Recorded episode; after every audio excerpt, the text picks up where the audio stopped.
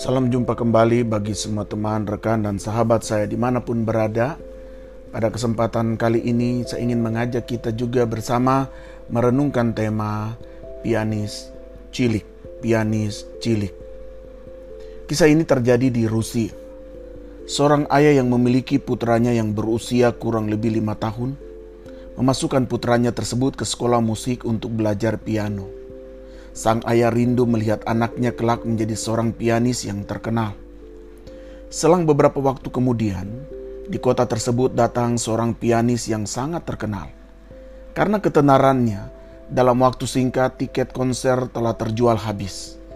Sang ayah membeli dua tiket pertunjukan untuk dirinya dan anaknya. Pada hari pertunjukan, satu jam sebelum konser dimulai, kursi telah terisi penuh Sang ayah duduk dan putranya tepat berada di sampingnya. Seperti layaknya seorang anak kecil, anak ini pun tidak betah duduk diam terlalu lama. Tanpa sepengetahuan ayahnya, ia menyelinap pergi. Ketika lampu gedung mulai diredupkan, sang ayah terkejut menyadari bahwa putranya tidak ada di sampingnya. Ia lebih terkejut lagi ketika melihat anaknya berada dekat panggung pertunjukan dan sedang berjalan menghampiri piano yang akan dimainkan pianis tersebut. Didorong oleh rasa ingin tahu, tanpa takut anak tersebut duduk di depan piano dan mulai memainkan sebuah lagu, lagu yang sederhana, Twinkle Twinkle Little Star. Operator lampu sorot yang terkejut mendengar adanya suara piano mengira bahwa konser telah dimulai tanpa aba-aba terlebih dahulu. Dan ia pun langsung menyorot menghidupkan lampunya ke tengah panggung. Seluruh penonton terkejut melihatnya yang berada di panggung bukan sang pianis, tapi hanyalah seorang anak kecil. Sang pianis pun terkejut dan bergegas naik ke atas panggung.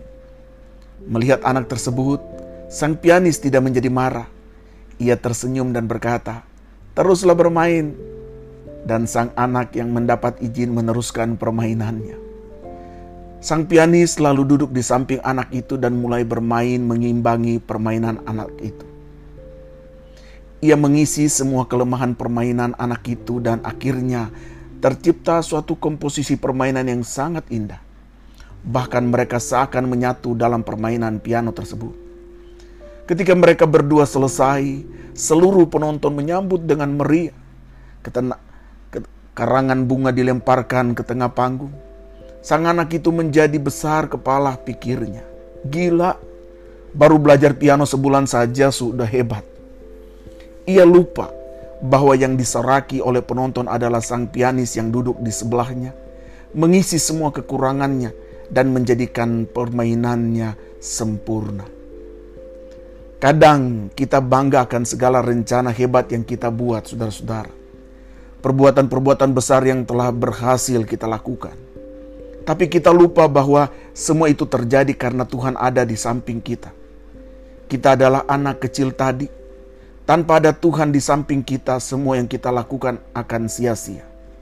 Tetapi bila Tuhan ada di samping kita, sesederhana apa pun hal yang kita lakukan, hal itu akan menjadi hebat dan baik. Bukan saja buat diri kita sendiri, tapi juga bagi orang di sekitar kita. Tuhanlah yang mengisi kelemahan-kelemahan kita dan memampukan kita untuk boleh memuliakan namanya. Semoga kita tidak pernah lupa bahwa ada Tuhan di samping kita.